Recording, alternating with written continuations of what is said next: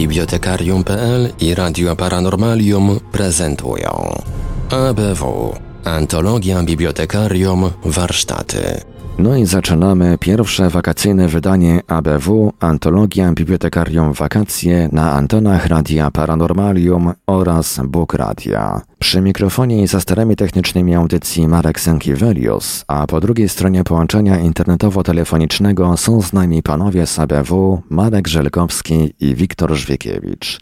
Halo, halo Bydgoszcz.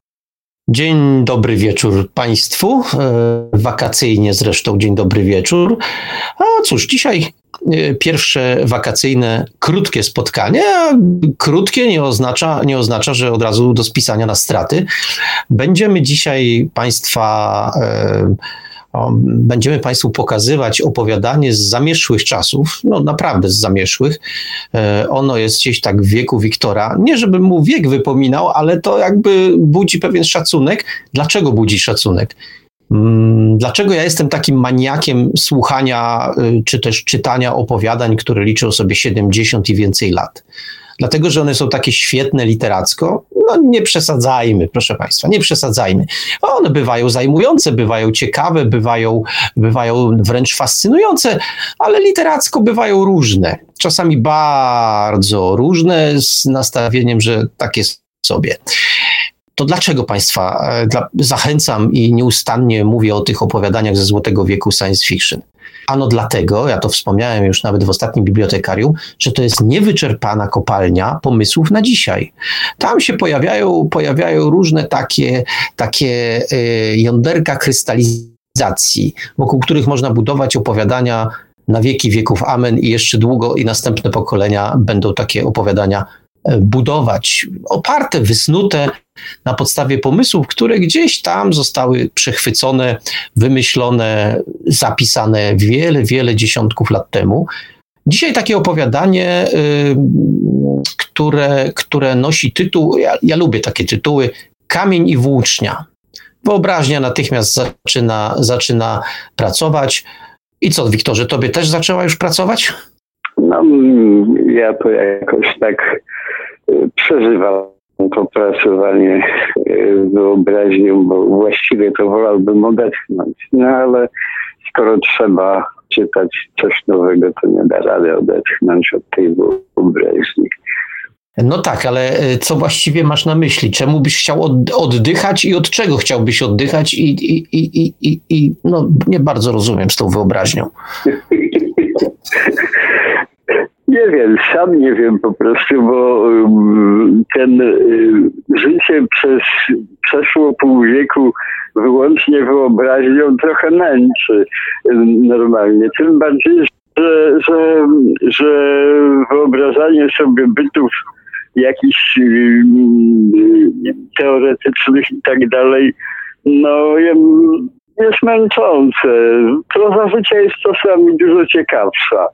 Zresztą również w wypadku tych y, rzeczy, które my dzisiaj y, odkrywamy, to znaczy, y, że tak powiem, od, odkurzamy tych amerykańskich, to też, też czasami nam się wydaje, że oni tak wędrowali wyobraźnią w przyszłości, po innych planetach i tak dalej, ale tak naprawdę oni załatwiali bardzo często swoje problemy swojego podwórka tamtej Ameryki, tamtego czasu, albo jeszcze poprzedniego czasu.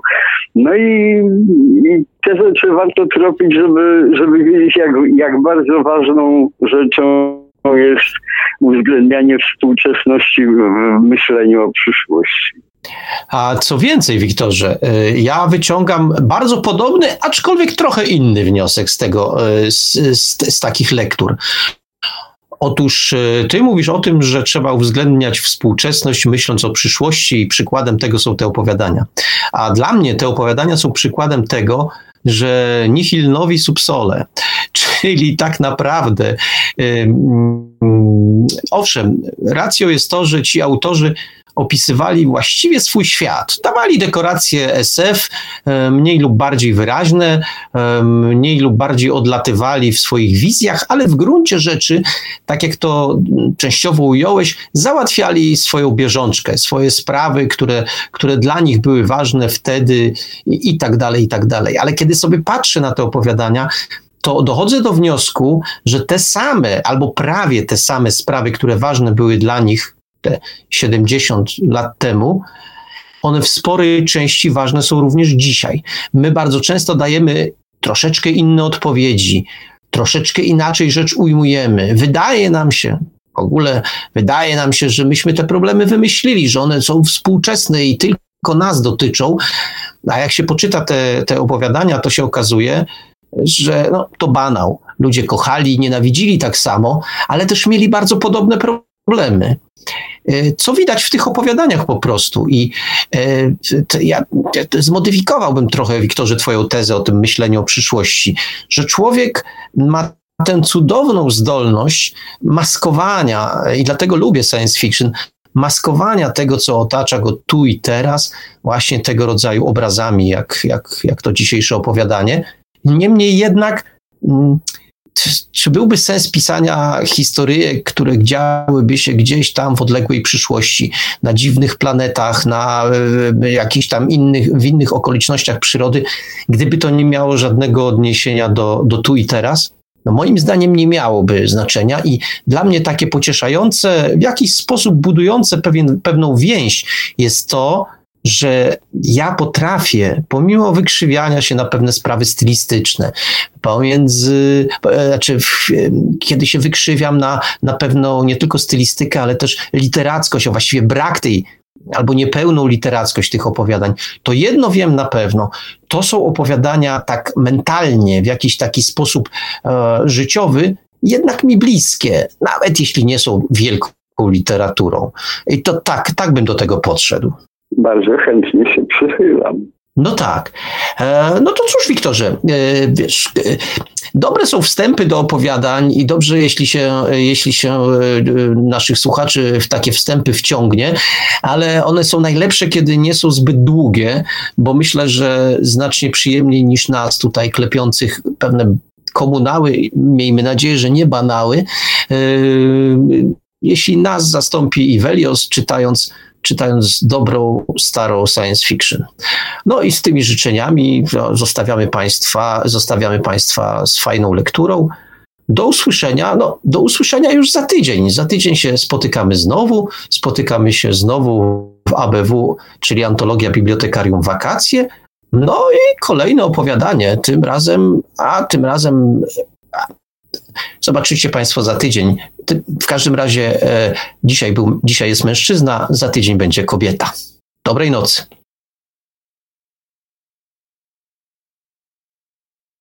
Raymond F. Jones Kamień i włócznia Tłumaczenie Witold Bartkiewicz w domenie publicznej od Frederick do Baltimore pagórkowate wiejskie tereny stanu Maryland pokryte były dywanem świeżej zieleni. Dr Curtis Johnson, nie zwracając zupełnie uwagi na uroki lata, jechał szybko powodowaną wzniesieniami wstęgą autostrady, wzbijając chmury kurzu i wysuszonych traw. Obok siedziała jego żona, Louise, trzymając rozwiane włosy odsunięte od twarzy i śmiejąc się radośnie w ciepłym powietrzu. Doktor Dele ci nie ucieknie. Poza tym obiecywałeś, że będziemy mogli ten wyjazd potraktować równie dobrze jako weekendowy wypad, co podróż w interesach. Kurt rzucił okiem na prędkościomierz i zmniejszył nacisk nogi na pedał gazu. Uśmiechnął się szeroko. I znowu zaczynasz śnić na jawie. Słucham? Zastanawiałem się, kto pierwszy to powiedział. Któryś z kolegów z Detrick, albo ten porucznik z bikini, albo... Co powiedział? O czym ty mówisz? Tę głupotę o broni po następnej wojnie. Ten człowiek, ktokolwiek by to nie był, powiedział, że tak do końca nie wiadomo, jak będzie wyglądała broń wykorzystywana w następnej wojnie, ale jest absolutnie pewne co do broni stosowanej w czwartej wojnie światowej. Będą to kamienie i włócznie. Myślę, że każdy z nas mógłby coś takiego powiedzieć. Uśmiech Louise zaczął robić się coraz bardziej napięty i wymuszony. Czy wy wszyscy nie potraficie myśleć o niczym innym, jak tylko o następnej wojnie? Jakbyśmy mogli? Przecież właśnie teraz ją toczymy. W twoich ustach brzmi to tak beznadziejnie. Tak właśnie mówił Del w dniach poprzedzających swoje odejście. Nawoływał, że nie musimy pracować dla Detrick, produkując toksyny i aerozole, które zniszczą miliony istnień ludzkich. Ale nigdy nie wyjaśnił nam, jak moglibyśmy odejść i mieć pewność, że przeżyjemy. Jego własne odejście to był tylko nic nieznaczący, pusty gest. Po prostu nie potrafię go zrozumieć, Kurt. Myślę, że w pewnym sensie ma rację, ale co doprowadziło go do takich poglądów? Trudno powiedzieć, odparł Kurt, mimowolnie przyspieszając. Po wojnie, kiedy fizycy atomowi publicznie pokazywali, że mają sumienia, Dell kazał im najpierw pokazać, że mają jaja. Taki sposób myślenia był wtedy dla niego bardzo typowy, jednak wkrótce potem zmienił się w równie zdecydowanego pacyfistę co tamci i odszedł z Detrick. Nadal wydaje mi się dziwne, że odrzucił w taki sposób całą swoją karierę. Największy na świecie biochemik rezygnuje z pracy w laboratorium na rzecz prowadzenia plantacji warzyw. Louise opuściła wzrok na stojący pomiędzy nimi koszek z jedzeniem. W środku były pomidory przysłane przez doktora Hamona Della razem z zaproszeniem, aby go odwiedzić. Przez niemal rok dr Dell wysyłał paczki z dorodnymi owocami i warzywami swoim byłym współpracownikom, nie tylko w Centrum Wojny Biologicznej w Camp Detrick, ale także na uniwersytetach i innych ośrodkach badawczych w całym kraju. Szkoda, że dokładnie nie wiemy, dlaczego poprosił nas o przyjazd, zauważyła Louise. Nikt nie może powiedzieć, że rozgryzł go do końca. Wszyscy trochę się teraz z niego podśmiewają. Chętnie jedzą prezenty od niego, ale uważają go za odrobinę niespełna rozumu. Trzeba jednak przyznać, że nie stracił niczego ze swego talentu do biologii. Nigdy nie wiedziałem ani nie próbowałem warzyw takich jak te od niego. A grube ryby w Detrick wcale też nie uważają, żeby rozmiękczył mu się umysł, dodała zdecydowanie zbyt niewinnym tonem. A więc polecili ci, abyś wykorzystał okazję, jaką stwarza jego zaproszenie i spróbował przekonać go do powrotu. Kurt odwrócił głowę w jej stronę tak ostro, że Louise roześmiała się. Nie, nie czytałam żadnych papierów tajne przez poufne, powiedziała. Ale to dosyć oczywiste, nieprawdaż? Patrząc na sposób, w jaki rzuciłeś się na generała Hansena po otrzymaniu zaproszenia od niego, to jest tajne przez poufne, powiedział Kurt, ponownie patrząc na drogę. Armia nie chce, żeby to wyciekło, ale potrzebują Dela, potrzebują go straszliwie. Każdy, kto wie, jak rozwinęły się kwestie wojny biologicznej, zrozumie to. Chcieli mnie wysłać już wcześniej. Zaproszenie Dela było pretekstem, którego potrzebowaliśmy. Mogę mieć na niego wystarczający wpływ, aby go odzyskać. Przynajmniej taką mam nadzieję. Zatrzymaj to jednak dla siebie i daj spokój z dalszymi zgadywankami. W tej sprawie tkwi znacznie więcej niż ci jest wiadome. Samochód przejechał przez chłodny, zalesiony odcinek drogi i Louise odwróciła się do tyłu i syciła jego pięknem. Tajne przez poufne, stwierdziła. Dorośli ludzie bawią się w dziecinne zabawy. Zabawy dosyć niebezpieczne jak dla dzieci kochanie. Późnym popołudniem minęli centrum Baltimore i skierowali się na północ za przedmieście Towson, w kierunku gospodarstwa z warzywami Dela. Jego szyld widoczny był już z odległości połowy mili. Jesteś tym, co jesz. Jedz tylko to, co najlepsze. Jedz warzywa Dela. Dr Hamon Dell, czołowy biochemik świata i uprawia warzywa, mruknął Kurt skręcając samochodem z autostrady. Louise wysiadła zaraz, kiedy opony przestały chrzęścić na żwirowej drodze. Przeszukała wzrokiem pola i stare lasy za antycznym, ale dobrze zachowanym farmerskim domem. Okolica wygląda tutaj zupełnie nie z tej ziemi. Kurt wyszedł za nią. Śpiew ptaków, tak zauważalny wcześniej, obecnie wydawał się być dziwnie wyciszony. Sama ziemia miała obcy, lekko zielonkawy odcień, barwy odpychającej nie tylko dla oczu. To musi być coś w tej miejscowej glebie, stwierdził Kurt. Coś, co nadaje jej ten kolor i pozwala uzyskiwać takie wspaniałe plony. Muszę pamiętać, żeby spytać o to Dela. Chcą Państwo widzieć się z doktorem Delem? Okręcili się wokół siebie na dźwięk nieznajomego głosu. Louis wyrwał się cichy okrzyk zaskoczenia. Stojąca za nimi chuda postać kaszlała astmatycznie i wskazywała na nich ręką, która wydawała się być zbudowana wyłącznie z kości i brązowej skóry, tak cienkiej, że prawie przeźroczystej. Tak, odparł Kurt lekko drżącym głosem. Jesteśmy jego przyjaciółmi. Del jest na tyłach domu. Powiem mu, że państwo są tutaj. Postać odeszła powłócząc nogami i Louise wzdrygnęła się, jakby chcąc pozbyć się z myśli jej obrazu. Jeśli nasze wnuki kiedykolwiek będą nas pytały o zombie, mogę im powiedzieć, że je widziałam. Któż na miłość boską to może być? Przypuszczam, że jakiś wynajęty człowiek. Brzmiał, jakby powinien znaleźć się w senatorium płucnym. Zabawne, że Del trzyma kogoś w takim stanie. Gdzieś spoza domu doleciał warkot silnika ciężarówki. Kurt wziął Louis pod ramię i poprowadził ją dookoła budynku równą żwirowaną ścieżką. Stary farmerski dom był bardzo starannie odnowiony. Wszędzie widoczne były dowody dużej dbałości o niego, ale jednak całkowita atmosfera tego miejsca pozostawała niezbyt zachęcająca, niemalże uciążliwa. Colt mówił sobie, że powodem tego jest kompletna cisza, którą jeszcze bardziej podkreślał samotny warkot silnika na tyłach i niewiarygodnie surowy kolor ziemi pod stopami. Po okrążeniu domu zobaczyli przed sobą ogromną cysternę.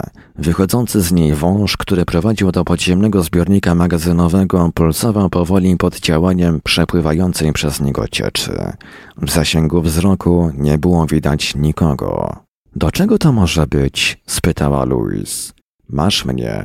Może to benzyna, ale przecież Del nie ma powodu, żeby przechowywać tutaj tak duże ilości paliwa. Powoli posuwali się naprzód i w umyśle Kurta narastało zdumienie, w miarę jak uświadamiał sobie ogrom maszyny.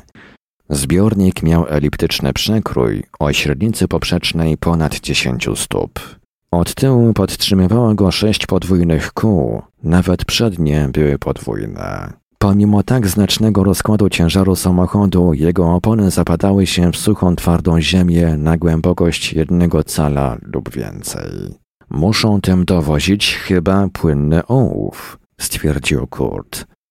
Zaczyna robić się zimno. Chciałabym, żeby w końcu pojawił się Del. Louis przebiegła wzrokiem po dwudziestoakrowej powierzchni plantacji warzyw. Cały jej obszar pokrywały szerokie grzędy dorodnych roślin. Pomidory, marchew, buraki, sałata i inne warzywa. Na drugim końcu znajdowało się około stu drzew owocowych. Między nimi biegła droga, którą potężna ciężarówka najwyraźniej wjechała na farmę od tyłu. Nagle usłyszeli ciężkie kroki i za ciężarówki pojawiła się kudłata głowa Dela. Jego twarz rozświetliła się z zadowolenia. Kurt, mój chłopcze i Louise, myślałem, że już w ogóle się nie pojawicie.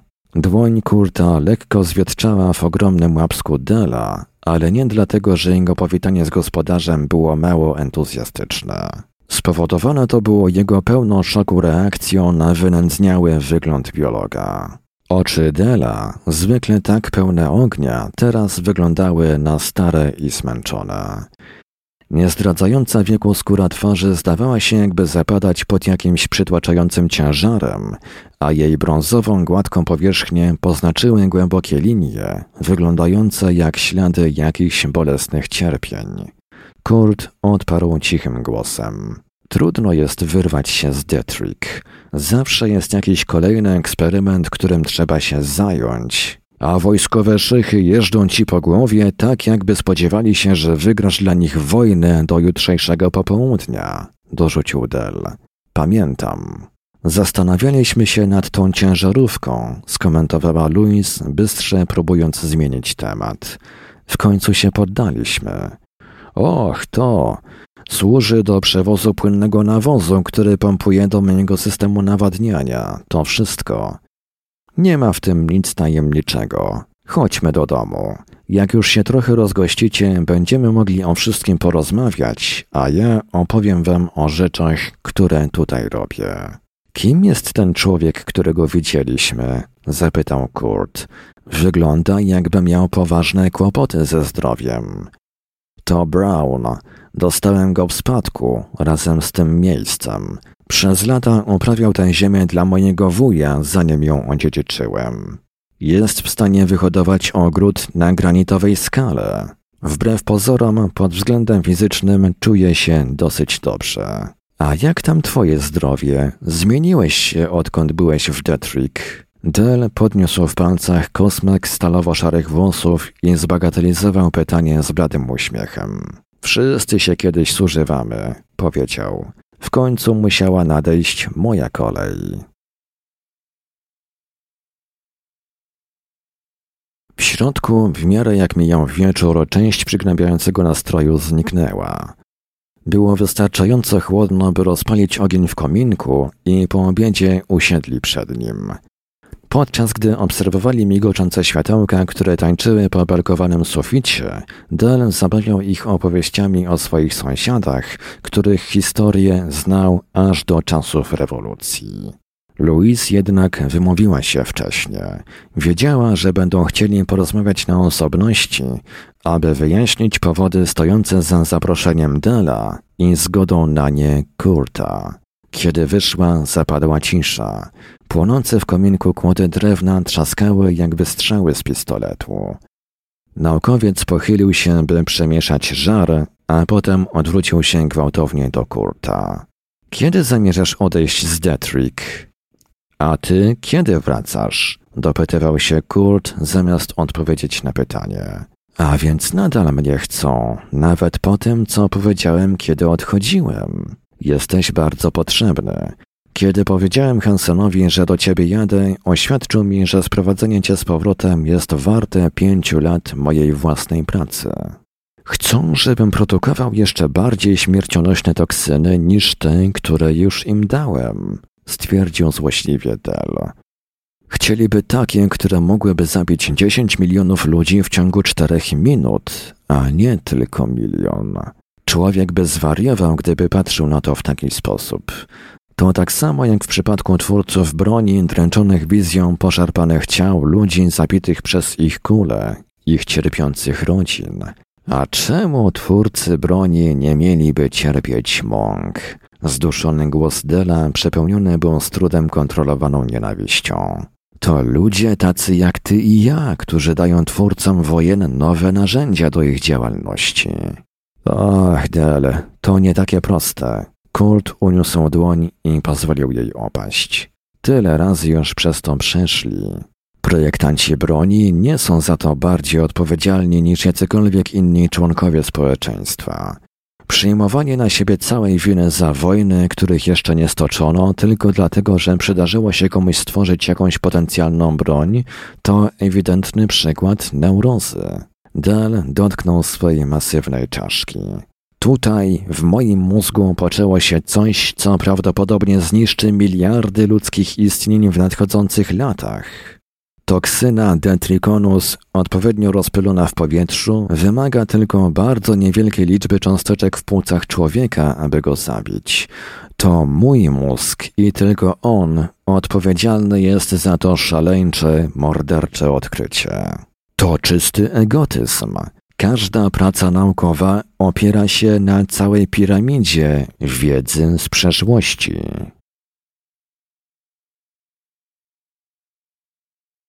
Broń, którą przed chwilą opisałem, istnieje. Gdybym jej nie stworzył, nie istniałaby. To jasne jak słońce. Nikt nie dzieli ze mną mojej winy i mojej odpowiedzialności. A czego jeszcze ode mnie chcą? Jaką jeszcze większą masową rzeź i zniszczenie sobie wymarzyli? Potrzebują cię, powiedział cicho Kurt, ponieważ uważają, że nie jesteśmy jedynymi, którzy posiadają tę truciznę.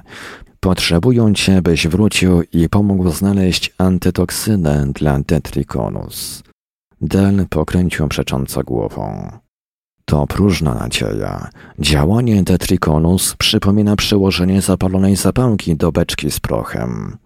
W chwili, gdy jej cząsteczki wchodzą w kontakt z cytoplazmą, rozpoczynają reakcję łańcuchową, która rozrywa strukturę komórek. Ten efekt rozprzestrzenia się jak ogień z jednej komórki do drugiej i kiedy już zacznie działać w jakimś organizmie, nic nie jest w stanie go powstrzymać. A czy dręczące cię poczucie winy, choć nieuzasadnione, nie sprawia, że chciałbyś znaleźć tę antytoksynę? Przypuśćmy, że mi się uda. Zniwelowałoby to działanie broni naszego nieprzyjaciela. Wojsko wiedziałoby, że on również zawsze zdąży na czas zniwelować także działanie naszej broni. Wtedy polecą mi opracować jeszcze jedną toksynę. To jest błędne i szalone koło, które powinno zostać przerwane. Celem całej reszty mojego życia jest właśnie jego przerwanie. Kiedy walczysz o życie, a wróg już zaciska ręce na twoim gardle, przekonywał go Kurt, sięgasz po największy kamień, jaki możesz dosięgnąć ręką i walisz go nim w głowę. Nie próbujesz go przekonywać, że zabijanie jest nieetyczne. Przez chwilę wydawało się Kurtowi, że błysk humoru zajaśniał w kącikach ust Dela. Potem jednak linia jego warg znowu się ściągnęła. Dokładnie, odparł. Sięgasz po kamień i walisz go nim w głowę. Nie niszczysz całego życia ludzkiego na ziemi, aby go dopaść. Poprosiłem cię o przyjazd tutaj, abyś pomógł mi przerwać ten krąg, o którym mówiłem. Musi ktoś tutaj być po tym, jak odejdę. Spojrzenie Dela przesunęło się w głębinę cieni za blaskiem ognia i pozostało utkwione w jakichś niewidocznych obrazach. Ja? Pomóc tobie? zapytał Kurt z niedowierzaniem. A co niby miałbym zrobić? Porzucić naukę i też zostać plantatorem warzyw? Można by powiedzieć, że byłaby to działalność w branży kamiennej, stwierdził Dell. Walka nie odbywa się już na poziomie jednego człowieka, z rękami zaciśniętymi na gardle drugiego człowieka, ale tak to powinno być.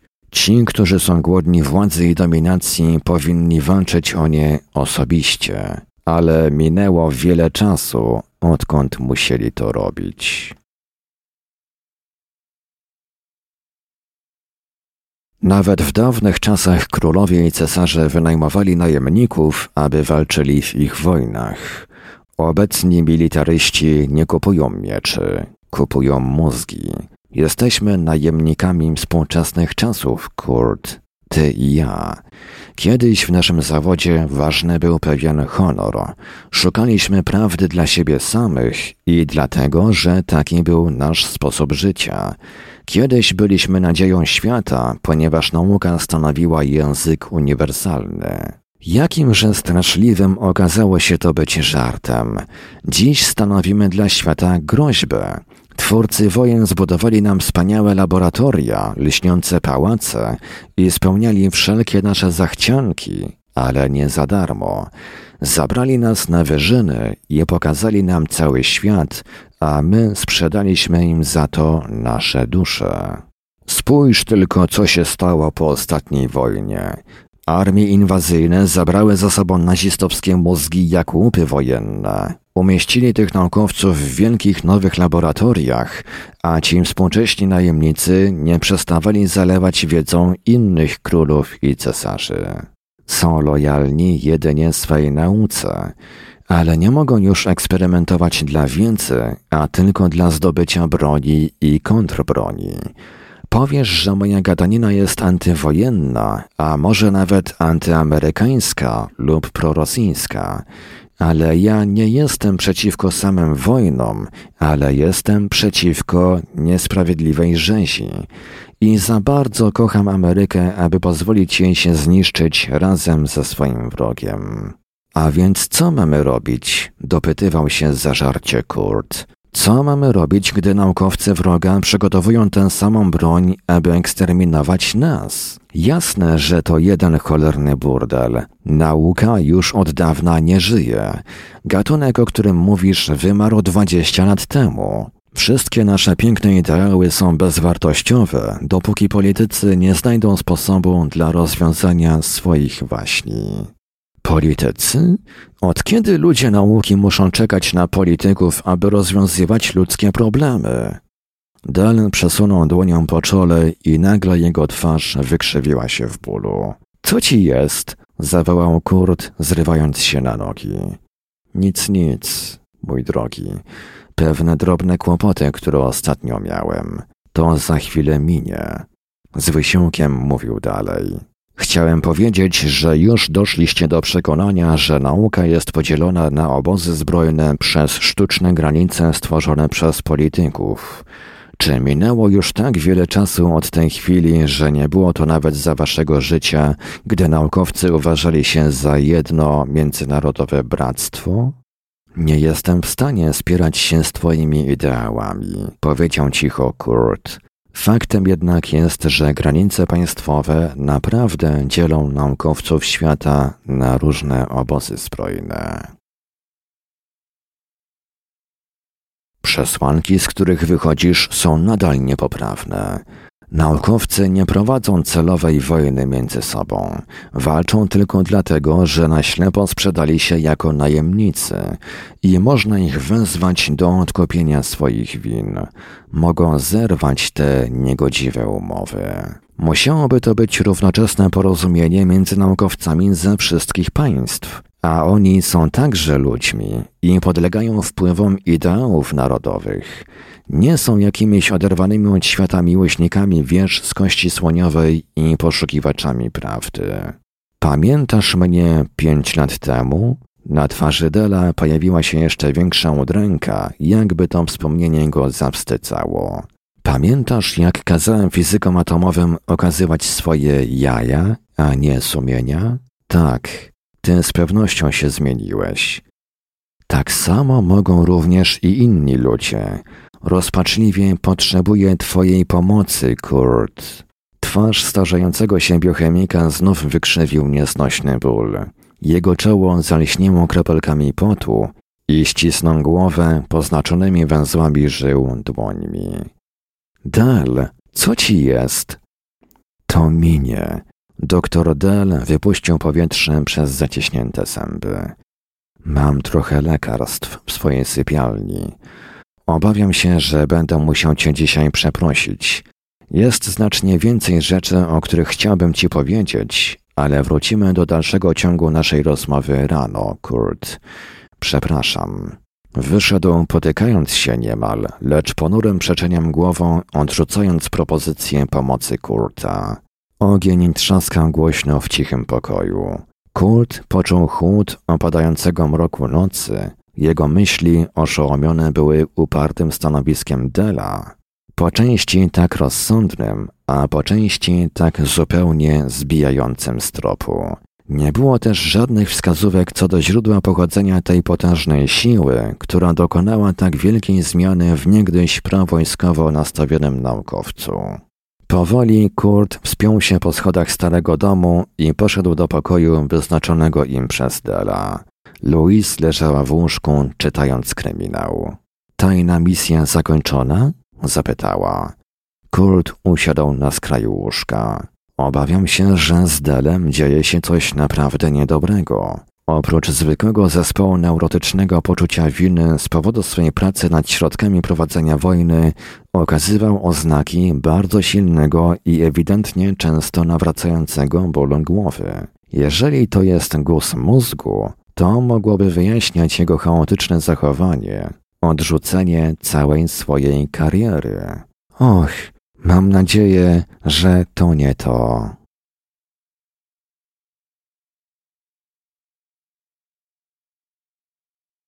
Kurtowi zdawało się, że spał zaledwie kilka minut, kiedy obudziły go jakieś nocne hałasy. Przewrócił się na drugi bok i zapalił światło. Zegarek pokazywał godzinę drugą. Louise poderwała się gwałtownie. Co się stało? wyszeptała. Wydawało mi się, że coś słyszałem. O, teraz znowu. To brzmiało tak, jakby ktoś cierpiał z bólu. To musi być Del. Kurt wyskoczył z łóżka i szybko wcisnął się w szlafrok. Śpiesząc się w stronę pokoju Dela, usłyszał kolejny głęboki jęk, który zakończył się drżącym szlochem nieznośnej męki. Del! Kurt! Myślałem, że zostało mi jeszcze trochę czasu, ale już więcej nie jestem w stanie tego znieść. Pamiętaj tylko o tym, co ci mówiłem dzisiaj wieczorem. Nie zapomnij ani słowa z tego. Usiadł sztywno wyprostowany, z trudem oddychając, z wysiłkiem próbując utrzymać kontrolę. Odpowiedzialność za nadciągające zniszczenie cywilizacji spoczywa w rękach najemnych naukowców. Nie pozwól na to, Kurt. Niech porzucą wojenne laboratoria, niech odzyskają swój honor. Opadł z powrotem na poduszkę, jego twarz była biała z bólu i lśniła od potu. Brown, zobacz się z Brownem. On może powiedzieć ci resztę. Pójdę sprowadzić lekarza, powiedział Kurt. U kogo się leczyłeś? Louis zostanie z tobą. Nie wzywaj lekarza. Nie da się tego uniknąć. Wiem to już od miesięcy. Poczekaj tu ze mną, Kurt. Wkrótce odejdę. Kurt patrzył ze współczuciem na wielkiego naukowca, którego umysł uległ takiej dezintegracji. Potrzebujesz lekarza. Zadzwonię do szpitala, Johna Hopkinsa, jeśli chcesz. Zaczekaj. Może masz rację. Nie mam tu telefonu. Wezwij doktora Wilsona, budynek sądu, Towson. Znajdź jego adres domowy w książce telefonicznej. Dobrze, za parę chwil będę z powrotem. Podszedł do drzwi. Kurt, pojedź ulicą wzdłuż nowej drogi, za farmą. Tamtędy szybciej, krócej o jakąś milę. Przejedź przez sad. Dobrze, spokojnie, zaraz wracam. Kurt gorączkowo wciągnął na siebie obranie, zbiegł po schodach i wsiadł do samochodu.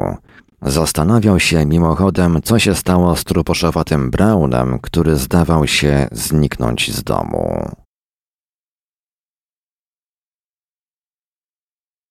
Koła zabuksowały w żwirze, gdy uruchomił samochód i wyjechał nim pośpiesznie z podjazdu.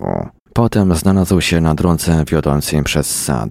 Bezksiężycowa noc była zupełnie ciemna, a strumień światła przed samochodem wydawał się jedyną żywą rzeczą w całym otaczającym go świecie. Prawie żałował, że nie wybrał bardziej sobie znanej drogi. Zgubienie się teraz mogło oznaczać śmierć Dela. Po drodze nie napotkał żadnego samochodu w obydwu kierunkach. Dookoła nie było również widać żadnych budynków rozjaśniających światłami mrok nocy. Przytłaczająca pustka zdawała się okrywać otaczające go wiejskie tereny i zwolna przenikać do jego duszy. Wydawało się niemożliwe, żeby położone były one tak blisko dobrze mu znanej autostrady.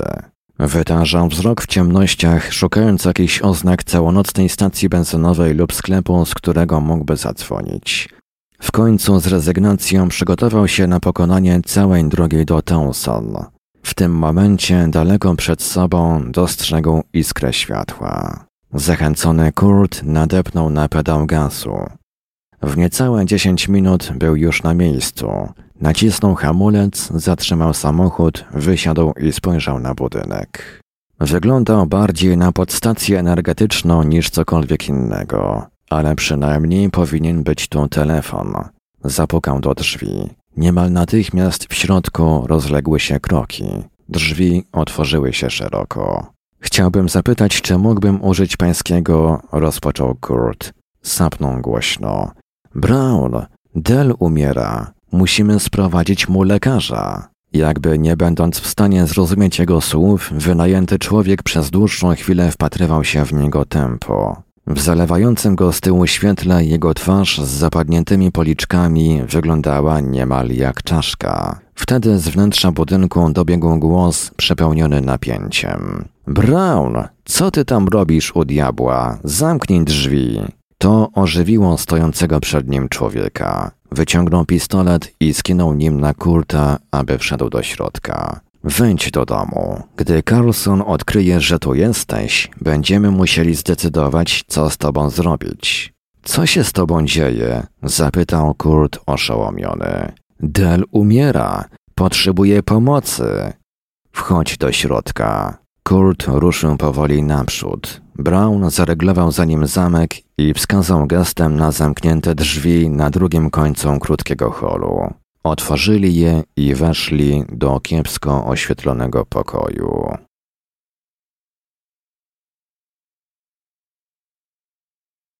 Wzrok Kurta powoli przystosował się do panującego półmroku i zobaczył przed sobą coś, co wyglądało na laboratorium. Pomieszczenie było tak wyładowane sprzętem, że prawie brakowało w nim miejsca dla grupy 12 do 15 mężczyzn, którzy mocno stłoczyli się koło jakiegoś urządzenia, odwróceni plecami do Kurta i Brauna.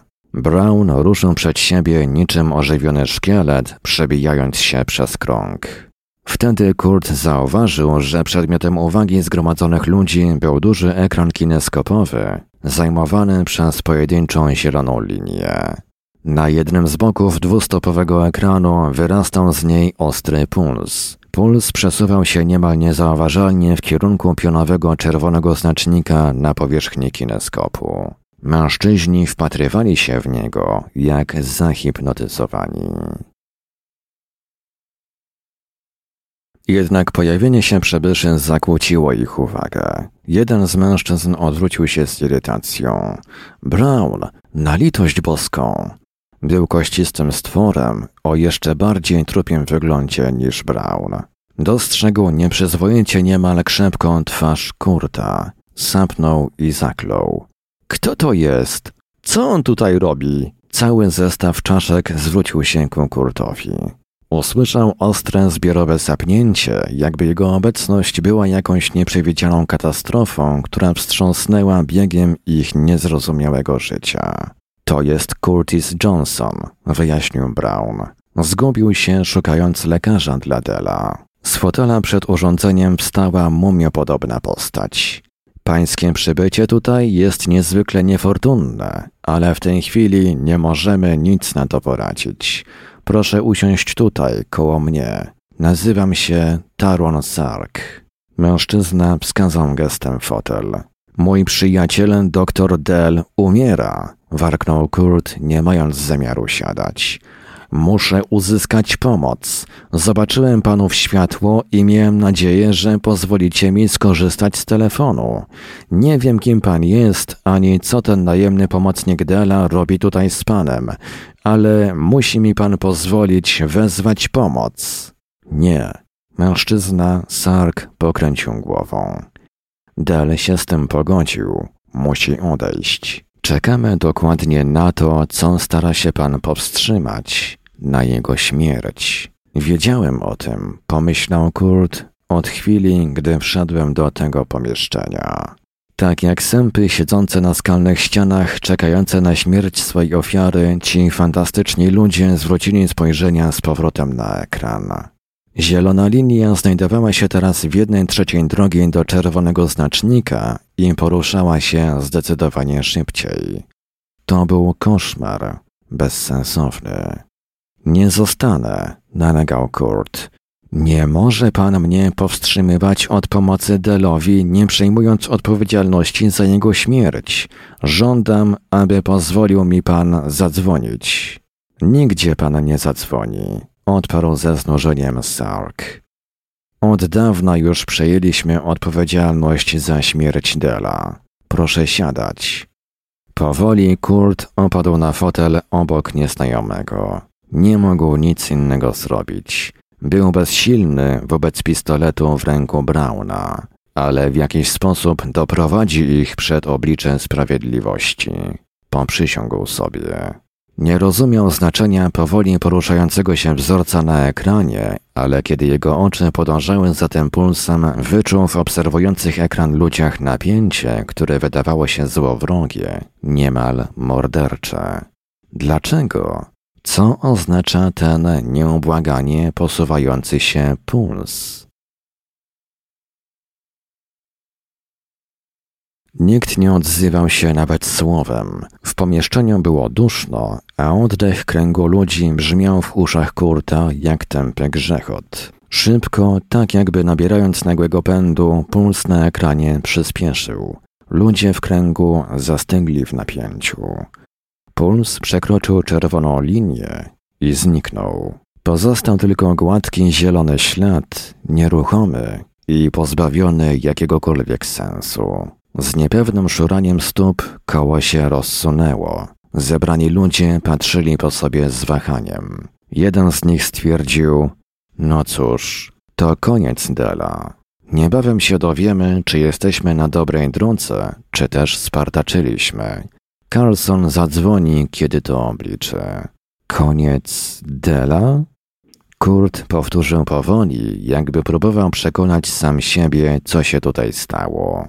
Ten puls na ekranie, czy on oznaczał, że życie go opuściło? Tak, powiedział Sark.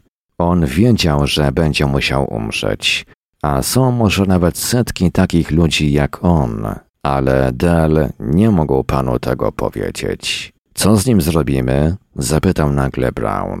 Jeśli Del nie żyje, to znaczy, że go zamordowaliście, krzyknął Kurt. Narastał w nim strach o siebie samego. Nie mogli go teraz uwolnić, chociaż jego opowieść nie miałaby dla nikogo żadnego sensu. Ale w jakiś sposób zabili Dela, albo myśleli, że tak się stało i dlatego nie zawahają się zabić Kurta. Pomyślał o Louise, samej w wielkim domu, ze zwłokami Hamana Dela. Jeśli oczywiście był on naprawdę martwy, ale to był przecież nonsens. Del pana do nas wysłał, stwierdził Sark, jakby nagle w jego umyśle uniosła się jakaś wielka zasłona. Nie miał czasu, by sam panu o wszystkim powiedzieć. Czy kazał, żeby pan pojechał drogą na tyłach farmy? Kurt skinął z goryczą głową. Powiedział mi, że to najszybszy sposób na dotarcie do lekarza. Naprawdę? A więc zdawał sobie sprawę, nawet lepiej niż my, z tego, jak szybko się ześlizguje. Tak, to był najszybszy sposób. O czym pan mówi? dopytywał się Kurt. Czy Del wspominał cokolwiek o tym, czego od pana chciał? To były jakieś absurdalne rzeczy, coś o pomocy w jakichś szalonych planach wycofania się ze świata nauki. Miał dokończyć swoją przemowę rano, ale myślę, że to i tak nie byłoby nic ważnego. Teraz rozumiem, że był chory i zachowywał się irracjonalnie. Za mocno chory, żeby wszystko wyjaśnić, ale nie zachowywał się irracjonalnie, powiedział Sark w zamyśleniu. Zostawił to nam, aby panu wyjawić resztę, ponieważ to pan ma pójść w jego ślady. Pójść w ślady Dela? W czym?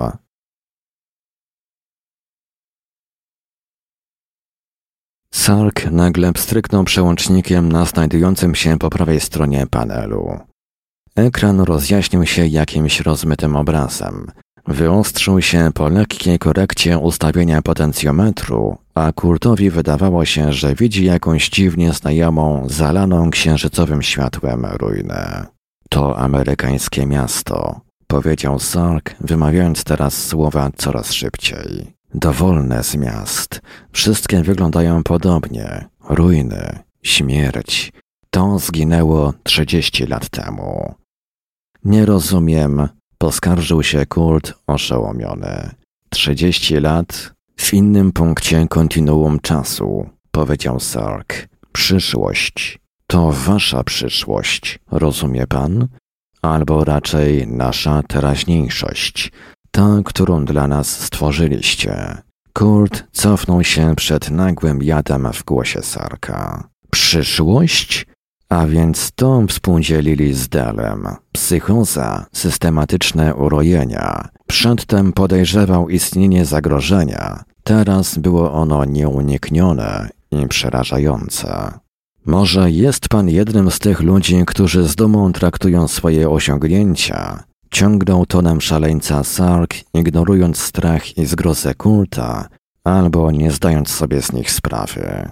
To, że bomby wodorowe zmiotły miasta, a trujące aerozole zniszczyły resztki ludzkości, wydaje się panu nieistotne wobec faktu, że rzeczy te reprezentują najwyższe osiągnięcia techniczne. Gardło Kurta zaschło zupełnie z przerażenia.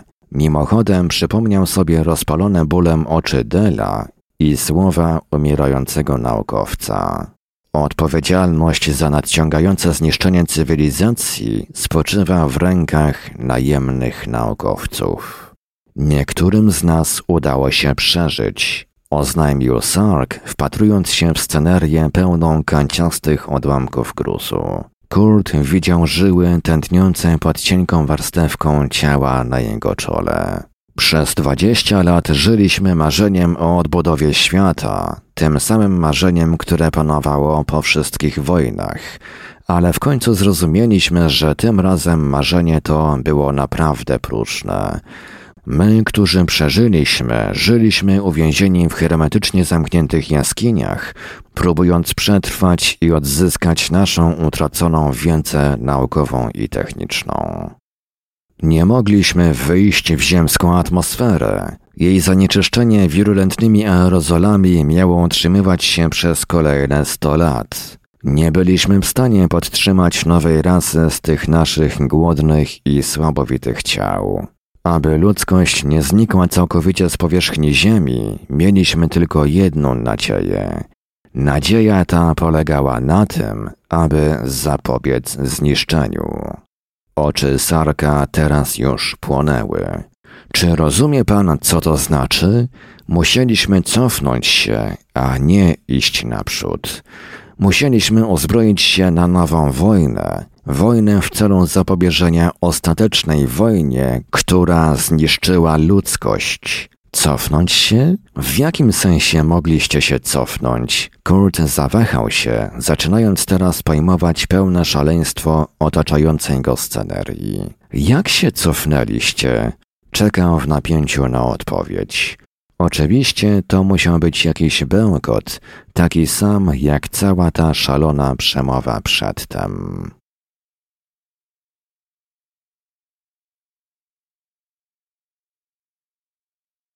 Niezakłócony przepływ czasu od początku do końca, których nie możemy doświadczyć, nazywamy podstawowym kontinuum, odpowiedział Sark. Matematycznie mówiąc, złożone jest ono z miliardów oddzielnych pasm prawdopodobieństwa przebiegających jedno obok drugiego. Przez analogię można by je porównać do ogromnej rzeki, w której wiele nieznaczących dopływów łączy się w jedną potężną, wirującą całość.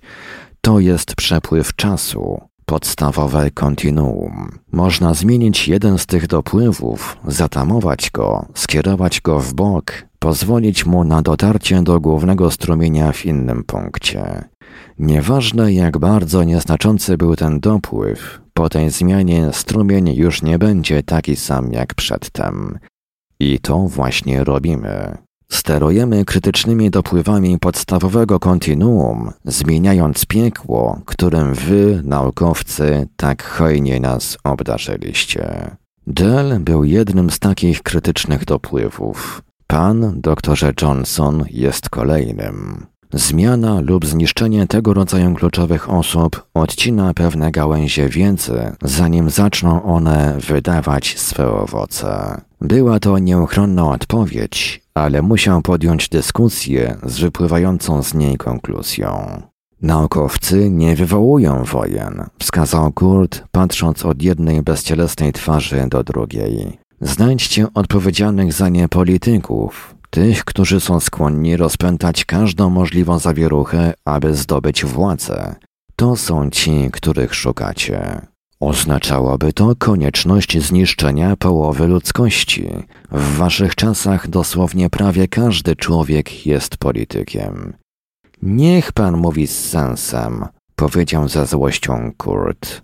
Polityk, jak można by go zdefiniować, jest to po prostu człowiek gotów poświęcić wspólne dobro dla własnych celów. To wysoce zaraźliwa choroba w czasach, w których altruizm uważany jest za tchórzostwo albo zwykłą głupotę. Nie, nie pomyliliśmy naszego celu, doktorze Johnson.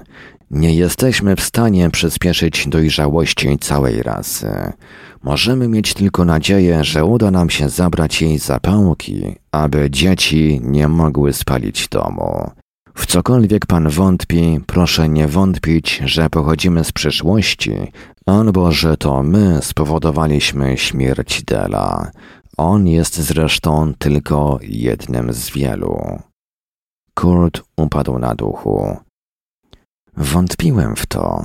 Nadal tak jest, ale nie jestem już w pełni przekonany. Dlaczego?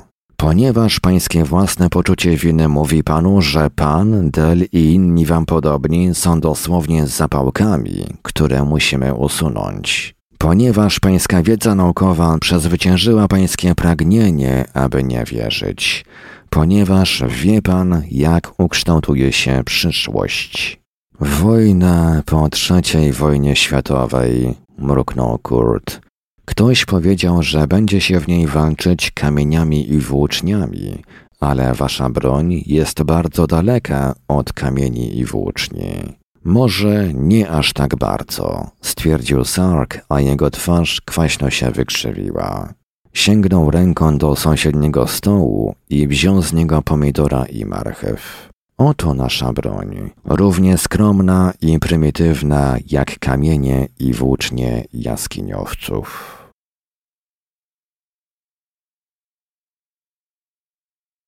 Żartuje pan, odparł Kurt niemalże gotów do uśmiechu.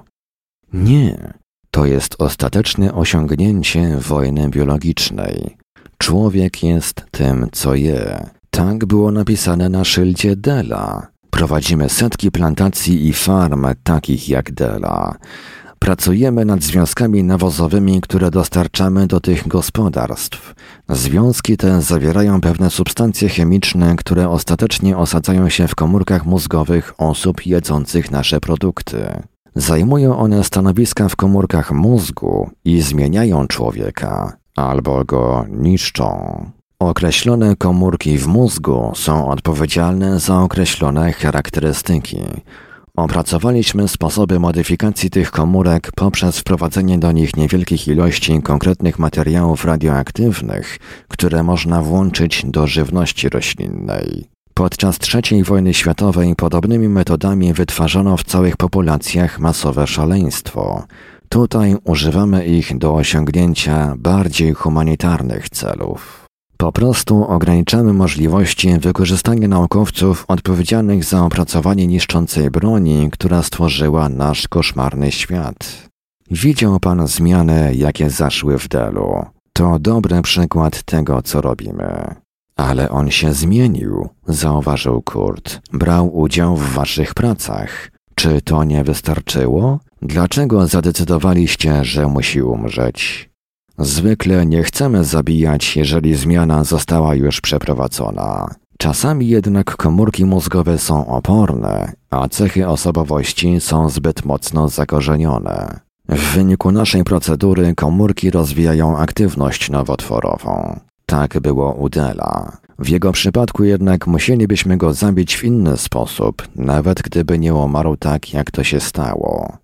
On także bardzo dobrze to rozumiał. Dlatego właśnie tak naprawdę nie chciał, aby pomógł mu jakiś lekarz.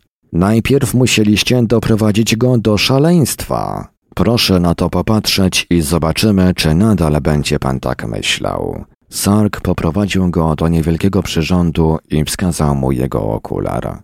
Proszę tam spojrzeć. Kult nachylił się. Po dotknięciu przez Sarka przełącznika wszystko zalało światło. Potem przed oczami Kurta widoczny w środku obraz zaczął się poruszać. Del! wykrzyknął.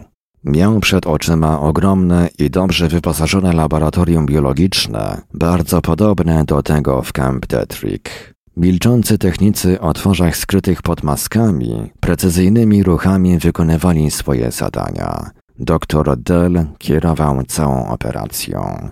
Coś jednak było nie tak. Postać przed jego oczyma nie był to Dell, jakiego Kurt znał. Sark jakby wyczuł, że Kurt to rozumie i obraz zaczął się powiększać, aż całe pole widzenia wypełniła twarz Dela. Kurt sapnął. Twarz jego przyjaciela była pusta i ohydna. Oczy spoglądały bezmyślnie. Kiedy obraz z powrotem uległ pomniejszeniu, Kurt zauważył, że Del porusza się jak automat, niemalże bez własnej woli.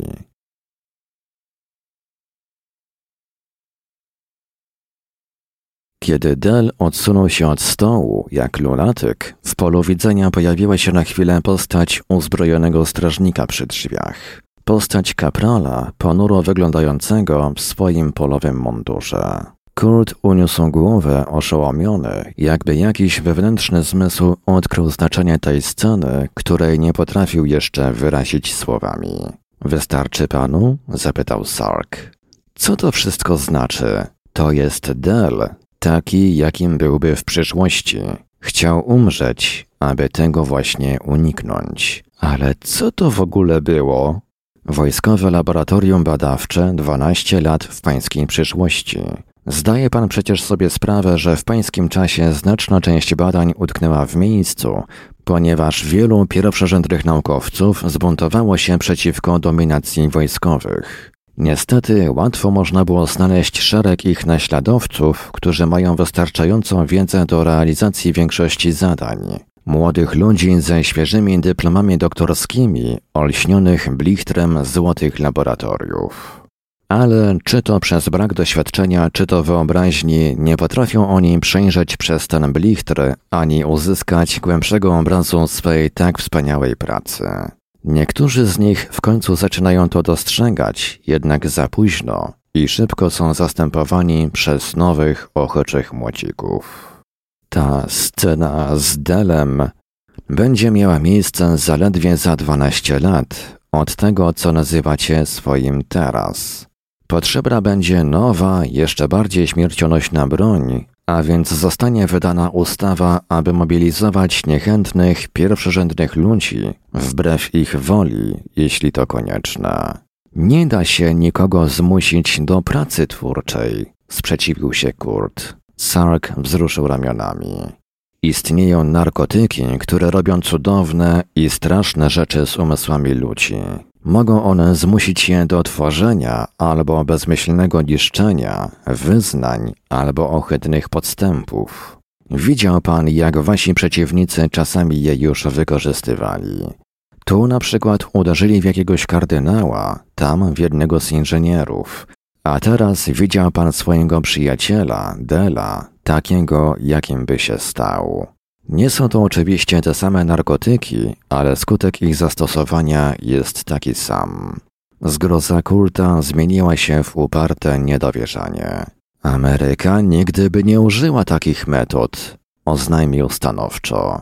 Dzisiaj nie, zgodził się Sark. Ale kiedy kraj pogrążony jest w nieludzkiej wojnie, nawet jeśli jej cele są absolutnie honorowe, czy istnieje linia, której nie można przekroczyć? Każda brutalizacja przygotowuje drogę do następnej. Nawet obozy koncentracyjne i ośrodki zagłady stają się logicznymi koniecznościami. Słyszał pan, że wasi przeciwnicy twierdzą, iż cel uświęca środki. Sam pan widział, środki w końcu stają się celami. Ale Del mógł przecież uciec, zaprotestował Kurt. Mogliście mu pomóc w swoim czasie lub jakimś innym. Ciągle był cenny. Nie musiał umierać. Nie istnieje coś takiego jak rzeczywista podróż w czasie, wyjaśnił Sark. A przynajmniej do naszych czasów nie znaleźliśmy żadnego na nią sposobu. Możliwe jest jedynie odchylenie gałęzi podstawowego kontinuum, tak żebyśmy mogli być świadkami, ostrzegać, instruować, zyskiwać pomoc w ratowaniu przyszłości. I możliwe jest to jedynie w tym wąskim sektorze nierzeczywistości, w którym gałąź dołącza się do głównego nurtu. Nasze farmy przylegają do takich sektorów, ale dalej nie możemy już pójść, ani też nikt z Was nie może stać się obywatelem świata, który dla nas stworzyliście. Jakże żałuję, że to jest niemożliwe. Wyrzucił z siebie jadowicie Sark. Porywalibyśmy was całymi milionami, zmuszalibyśmy was do spoglądania na ruinę i grozę. Kazalibyśmy wam oddychać powietrzem, którego żaden człowiek nie może nabrać w płuca i przeżyć, jedynym powietrzem, jakie jest dostępne w tamtym świecie. Tak, żałuję, że nie możecie stać się naszymi gośćmi. Nasz problem byłby wtedy znacznie prostszy, ale to jest niemożliwe. To jedyny sposób, w jaki możemy pracować. Del musiał umrzeć. Nie było dla niego drogi ucieczki, a dopóki żył, my nie bylibyśmy bezpieczni. Zostałby wytropiony, schwytany jak zwierzę i wbrew swej woli zmuszony do pracy.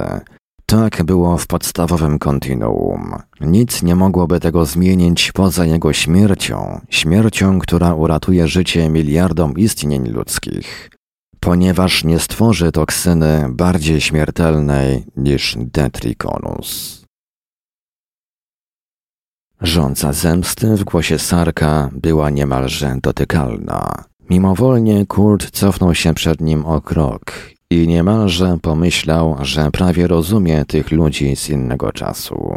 Czy coś e, zaczęło chryple i musiał przerwać? Czy jest coś, co mogę zrobić?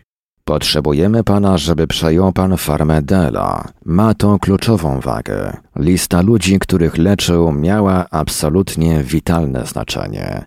Ta praca nie może zostać teraz przerwana.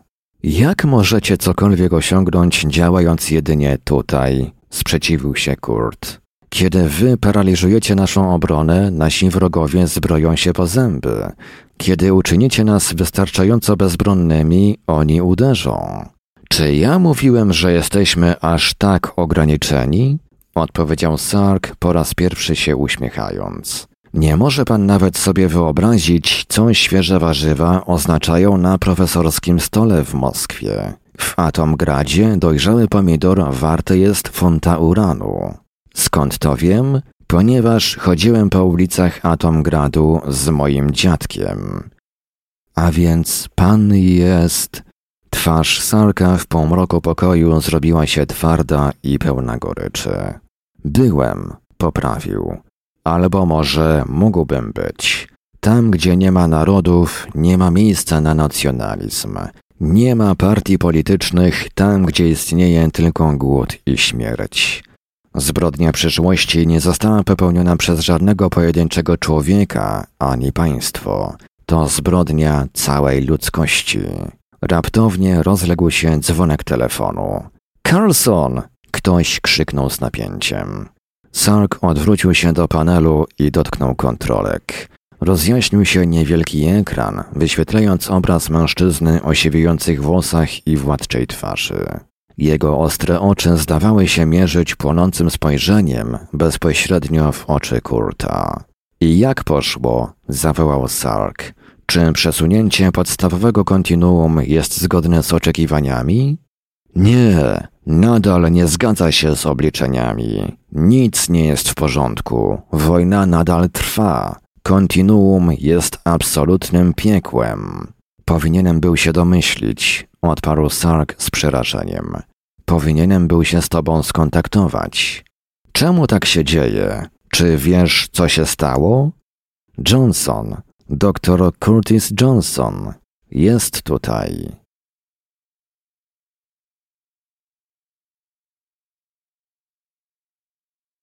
Na twarzy Carlsona rozlała się furia. Z ust wyrwało mu się przekleństwo. Nic dziwnego, że sytuacja nie zgadza się z obliczeniami, jeśli on jest poza podstawowym kontinuum. Dlaczego on tam przyszedł? Del go przysłał. Del umarł zbyt wcześnie. Nie miał czasu, aby pouczyć Johnsona. Powiedziałem mu, czego od niego oczekujemy. Czy zrozumiał pan? Carlson zaczął dopytywać się Kurta z gwałtownością niemalże zbliżoną do gniewu. Kurt rozejrzał się powoli po pomieszczeniu i popatrzył ponownie na twarz pytającego. Czy zrozumiał? Jeśli oni odeślą go z powrotem, pozwolą mu wrócić, czy będzie mógł być kiedykolwiek pewien, że nie stanie się świadkiem tego koszmaru ze świata cieni i snów? Tak, mógł być tego pewien. Widział zniszczone miasto dokładnie takim, jakim wiedział, że może się stać, chyba że ktoś temu zapobiegnie. Widział wzorzec pulsu na ekranie, dostrojone do maleńkiego dopływu podstawowego kontinuum. Było to życie doktora Dela. Widział, jak puls gaśnie, umierając w miarę jak umierał Del. Był również w stanie uwierzyć, że koło Atomgradu także znajdowała się niewielka farma, na której pomidor na stole naukowca był potężniejszy niż bomby w budynku arsenału. Zrozumiałem, powiedział. Czy mam już wracać? Sark włożył mu w ręce kartkę papieru.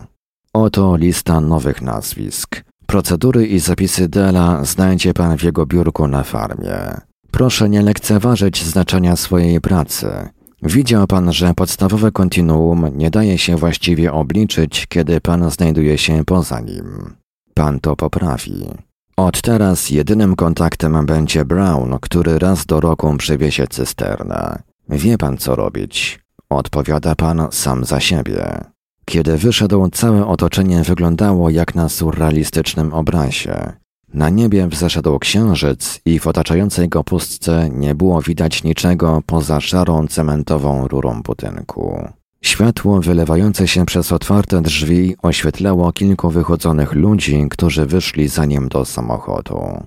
Przed nim rozciągała się tylko wąska wstęga drogi, prowadząca przez jakąś nieskończoną nicość, kończącą się na plantacji warzyw Dela. Ruszył. Kiedy chwilę później obejrzał się, budynku już nie było. Zerknął na listę nazwisk, które wręczył mu Sark, zmrożony dużym znaczeniem tych ludzi. Dla niektórych z nich oznaczać to będzie śmierć, tak jak w przypadku Dela. Dla niego samego zapomniał zapytać. Chociaż pewnie nie powiedzieliby mu tego. W każdym razie nie w tej chwili. Zmodyfikowana chemicznie żywność wytwarzała w opornych, niereagujących komórkach nowotwory. Jadł już warzywa Dela, zje ich jeszcze więcej. Było już za późno, aby zapytać, i nie miało to znaczenia. Miał ważne rzeczy do zrobienia. Pierwszą z nich będzie napisanie rezygnacji dla urzędników z Camp Detrick. Od jutra stanie się doktorem Curtisem Johnsonem, plantatorem warzyw, specjalistą z czasów ery atomowej w dziedzinie wytwarzania luksusowych, soczystych darów stołu dla niewinnych i nie tak bardzo niewinnych ludzkich zapałek wiedzy, które to dary, jeśli jemu i jego nieznanym towarzyszom uda się odnieść sukces, mogą pozwolić na uniknięcie spopielenia nadziei ludzkości. Louis pomoże mu powiesić nowy szyld. Jesteś tym, co jesz. Jedz tylko to, co najlepsze. Jedz warzywa Johnsona. Tylko oczywiście nie będzie wiedziała, dlaczego podjął pracę Dela, a on jej nigdy tego nie wyjaśni. Prawdopodobnie będzie to w końcu oznaczało śmierć Kurta Johnsona, ale była to dosyć niewielka cena za przetrwanie ludzkości.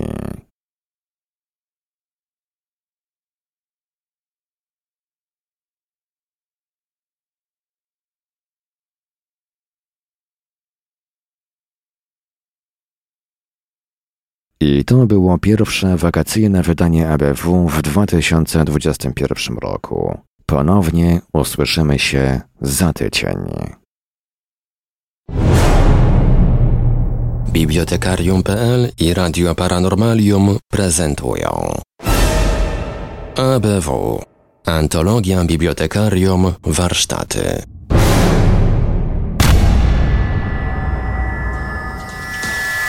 Produkcja i realizacja Radio Paranormalium. Www.paranormalium.pl